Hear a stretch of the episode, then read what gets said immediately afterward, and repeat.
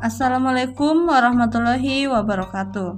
Apa kabar nih para pendengar Radio Superunu FM? Semoga tetap baik-baik saja ya. Senang banget rasanya Erika bisa menemani para pendengar di acara Ak Gurung SD. Oke deh, untuk mengawali jumpa kita di hari ini, Erika, Erika puterin dulu lagu berikut ini. Selamat mendengarkan.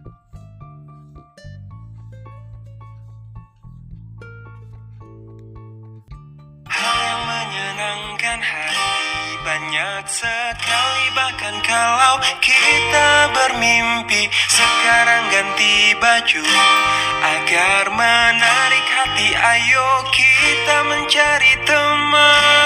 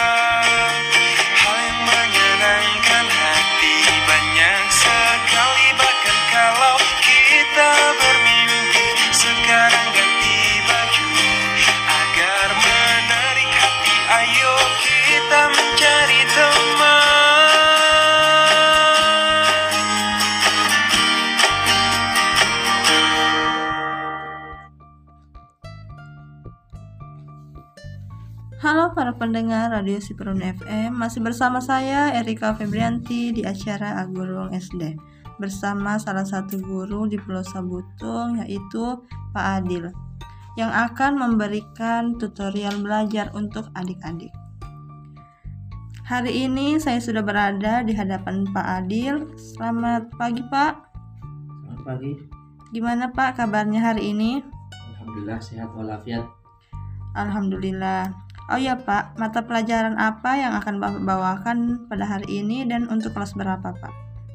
Eh, untuk hari ini mata pelajarannya itu PPKN dengan uh, IPA, IPS, IPS. PPKN kan IPS. Baik, untuk adik-adik silahkan dipersiapkan alat tulisnya dan untuk Pak Adil saya persilahkan untuk memberikan materi belajar untuk hari ini. Silahkan Pak. Terima kasih.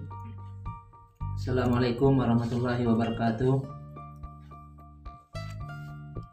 Alhamdulillah hari ini kita kembali bersama bersua dalam acara Agurung SD di Radio komunitas perempuan Sipurenu mudah-mudahan anak-anakku sekalian dan seluruh pendengar radio sehat walafiat dan kita akan mengikuti uh, proses tutorial pembelajaran untuk hari ini Allah saya akan membawakan dua mata pelajaran untuk hari ini yaitu PPKN dengan IPS.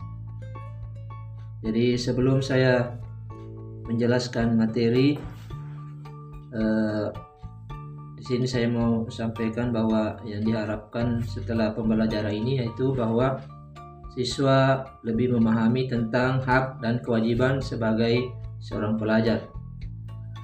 Kemudian yang kedua, siswa dapat mengetahui karakteristik geografis negara-negara ASEAN. Jadi yang pertama tadi itu PKN, yang kedua adalah IPS. Baiklah, dan aku sekalian, selamat eh, mengikuti pembelajaran ini. Jadi yang pertama, hak dan kewajiban seorang pelajar atau siswa. Hak dan kewajiban itu harus dituntut atau ditunaikan, bahkan dipaksakan sehingga akan tercipta seorang siswa yang unggul dalam otak dan imtak atau iman dan takwa. Hak dan kewajiban siswa tidak hanya menjadi tanggung jawab sekolah, tetapi semua pihak harus ikut ambil bagian baik itu siswa itu sendiri, orang tua, masyarakat, dan pemerintah. Kita semua memahami bahwa eh, sebagian besar siswa adalah anak-anak dan remaja yang belum memiliki pola pikir yang dewasa. Kadang hak-hak yang harusnya didapatkan oleh para siswa, mereka tidak menerimanya. Misalnya, hak untuk mendapatkan pengajaran. Sering para siswa senang jika tidak belajar. Hal ini tidak dapat dibenarkan itu karena mendapatkan pengajaran itu adalah hak mereka. Ini sesuai dengan Undang-Undang Dasar 1945 pasal 31 ayat 1 Oleh karena itu perlu ada edukasi atau e, bahwa tugas siswa di sekolah yang utama adalah belajar. Selain itu, tidak hanya dari sisi, sisi siswa, semua pihak pun harus menunaikan peran dan tanggung jawabnya dengan baik. Jadi untuk memenuhi hak siswa ini karena Kesuksesan siswa tidak akan tercapai jika hanya dengan mengandalkan kerja keras siswa sendiri. Jadi ada peran yang paling penting di sini tentu saja adalah dukungan dari orang tua. Baik itu berupa dukungan materi maupun dalam dukungan moral. Jadi dalam hal ini orang tua saya sangat berperan penting di dalam memenuhi hak e, seorang siswa.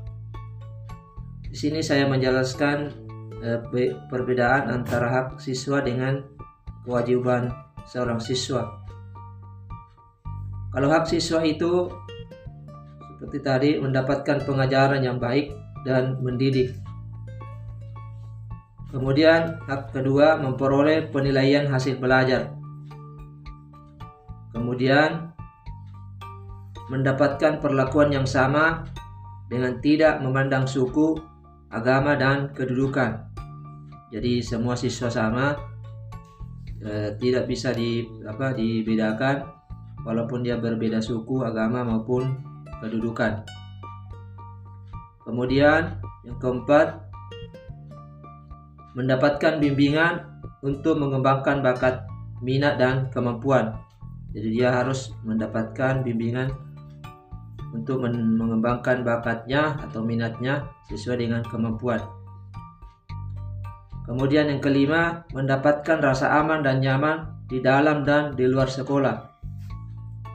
Jadi ini haknya, dia harus mendapatkan rasa aman dan nyaman, baik di luar maupun di dalam sekolah. Kemudian mendapatkan dukungan materi dan moral, baik itu dari orang tua, masyarakat, maupun pemerintah. Kemudian mendapatkan pelayanan khusus apabila memiliki kondisi tertentu, misalnya cacat fisik. Ya ini ada di sekolah ada namanya inklusi pembelajaran khusus untuk yang cacat fisik. Kemudian mendapatkan bantuan apabila memiliki masalah, baik itu di sekolah, di rumah maupun di lingkungan masyarakatnya. Nah, itu adalah hak seorang siswa. Bagaimana dengan kewajiban siswa? Ini perlu juga diketahui seorang siswa eh, kewajibannya eh, jangan hanya menuntut hak tapi tidak tahu kewajibannya. Jadi ada beberapa kewajiban yang harus dipenuhi oleh seorang siswa. Yang pertama, belajar dengan baik dan semaksimal mungkin. Ya, tentu ini hal yang, yang bagus karena untuk masa depan sendiri. Kemudian yang kedua, mematuhi ketentuan dan peraturan yang berlaku baik di sekolah maupun di masyarakat. Kemudian menghormati guru dan staf sekolah. Kemudian, menghormati orang tua dan masyarakat. Kemudian, menghormati teman sekolah. Ya, jadi saya kira itu yang perlu diketahui siswa untuk memenuhi hak dan kewajibannya. Baik para pendengar, Eh, kita break sebentar sambil dengerin lagu berikut ini.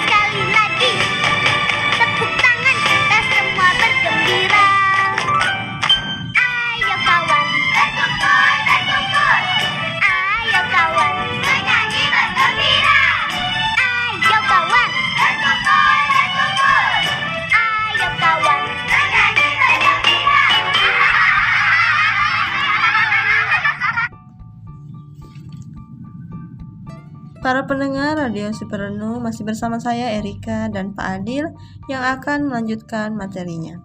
Silakan Pak. Ya, eh, anak-anakku sekalian yang saya banggakan dan para pendengar Radio Superenu.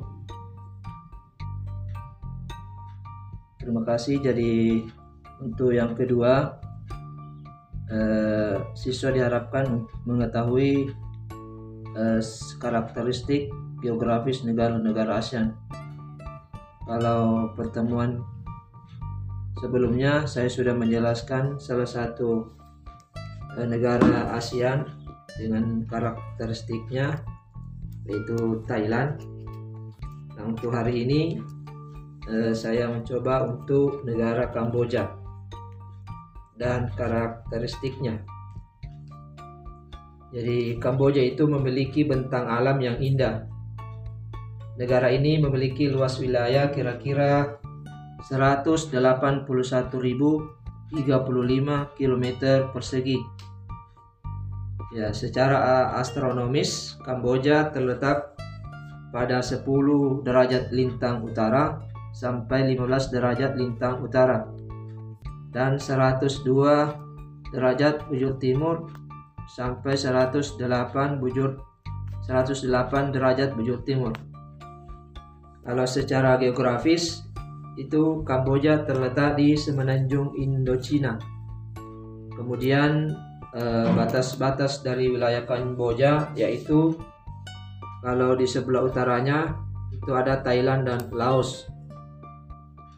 Kemudian di sebelah timurnya ada negara Vietnam.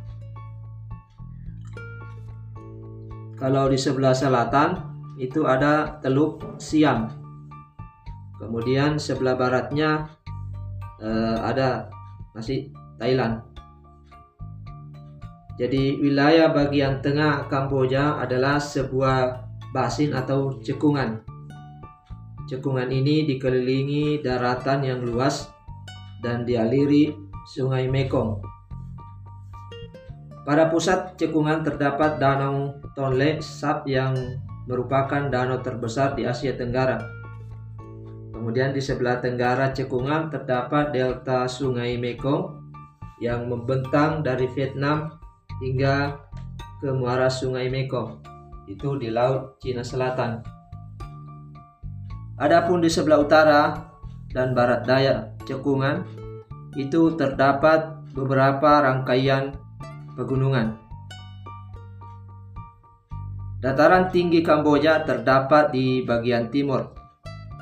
Dataran tinggi ini membentang dari wilayah tengah Kamboja hingga masuk wilayah Vietnam. Di Kamboja ini juga terdapat pegunungan Kardamon dengan panjang 160 km. Pegunungan tersebut itu membentang hingga melintasi perbatasan Kamboja dan Thailand. Puncak tertinggi dari pegunungan Kardoman, Kardamon adalah Gunung Aural dengan tinggi kira-kira 1810 meter. Kamboja juga memiliki pelabuhan alam yang terbaik di Asia Tenggara. Pelabuhan tersebut terdapat di Teluk Kompong Sam. Jadi ini apa Teluk Kom di pelabuhannya pelabuhan yang terbaik, pelabuhan alam yang terbaik di Asia Tenggara. Kemudian Kamboja juga disebut Kampuchea. Kamboja merdeka dari penjajahan Prancis pada tanggal 9 November 1953. Bentuk negara Kamboja adalah kerajaan. Ibu kota Kamboja adalah Phnom Penh. Kemudian kepala negara Kampo Kamboja adalah raja, sedangkan kepala pemerintahannya adalah perdana menteri. Kemudian bahasa nasional yang dipakai di Kamboja itu adalah Khmer. Dan lagu kebangsaannya berjudul Our Country. Meskipun kekurangan kandungan mineral, wilayah Kamboja memiliki cukup banyak sumber daya alam. Jadi mata pencaharian yang paling penting penduduk Kamboja itu adalah pertanian. Daerah pertanian banyak terdapat di sepanjang Sungai Mekong dan sekitar Danau Tonle Sap. Padi termasuk hasil pertanian Kamboja yang terbesar. Selain tanaman padi, Kamboja juga memproduksi karet dalam jumlah yang sangat besar. hasil pertanian dan perkebunan lainnya berupa jagung, buncis, umbi-umbian, dan tembakau. Hasil tambang Kamboja yaitu tembaga, besi, mangan, dan emas. Kemudian penduduk Kamboja juga melakukan usaha di bidang perikanan dan kehutanan. Hasil hutan Kamboja itu ada jati dan pohon mahoni. Kemudian pada transaksi perekonomian sehari-hari, masyarakat Kamboja menggunakan mata uang real. Penduduk Kamboja terdiri atas bangsa Khmer yang merupakan penduduk paling banyak. Yang lainnya Vietnam dan Tiongkok. Agama resmi yang dianut oleh penduduk Kamboja adalah Buddha Theravada dan sebagian kecil beragama Hindu. Ya itulah eh, apa negara Kamboja, negara tetangga kita dengan karakteristiknya. Demikian yang sempat saya bawakan untuk hari ini dalam acara Guru SD. Mudah-mudahan bisa dipahami dan bisa bermanfaat. Terima kasih. Assalamualaikum warahmatullahi wabarakatuh. Waalaikumsalam warahmatullahi wabarakatuh. Baik, para pendengar setia Radio Siperon FM, itulah tadi materi yang telah dibawakan oleh Pak Adil. Semoga adik-adik bisa mempelajari kembali materi yang telah diberikan barusan. Terima kasih atas perhatiannya adik-adik. Saya ingatkan untuk tetap ikuti protokol kesehatan dengan mencuci tangan menggunakan sabun, memakai masker, dan jaga jarak. Saya pamit undur diri. Mohon maaf apabila ada salah-salah kata. Assalamualaikum warahmatullahi wabarakatuh.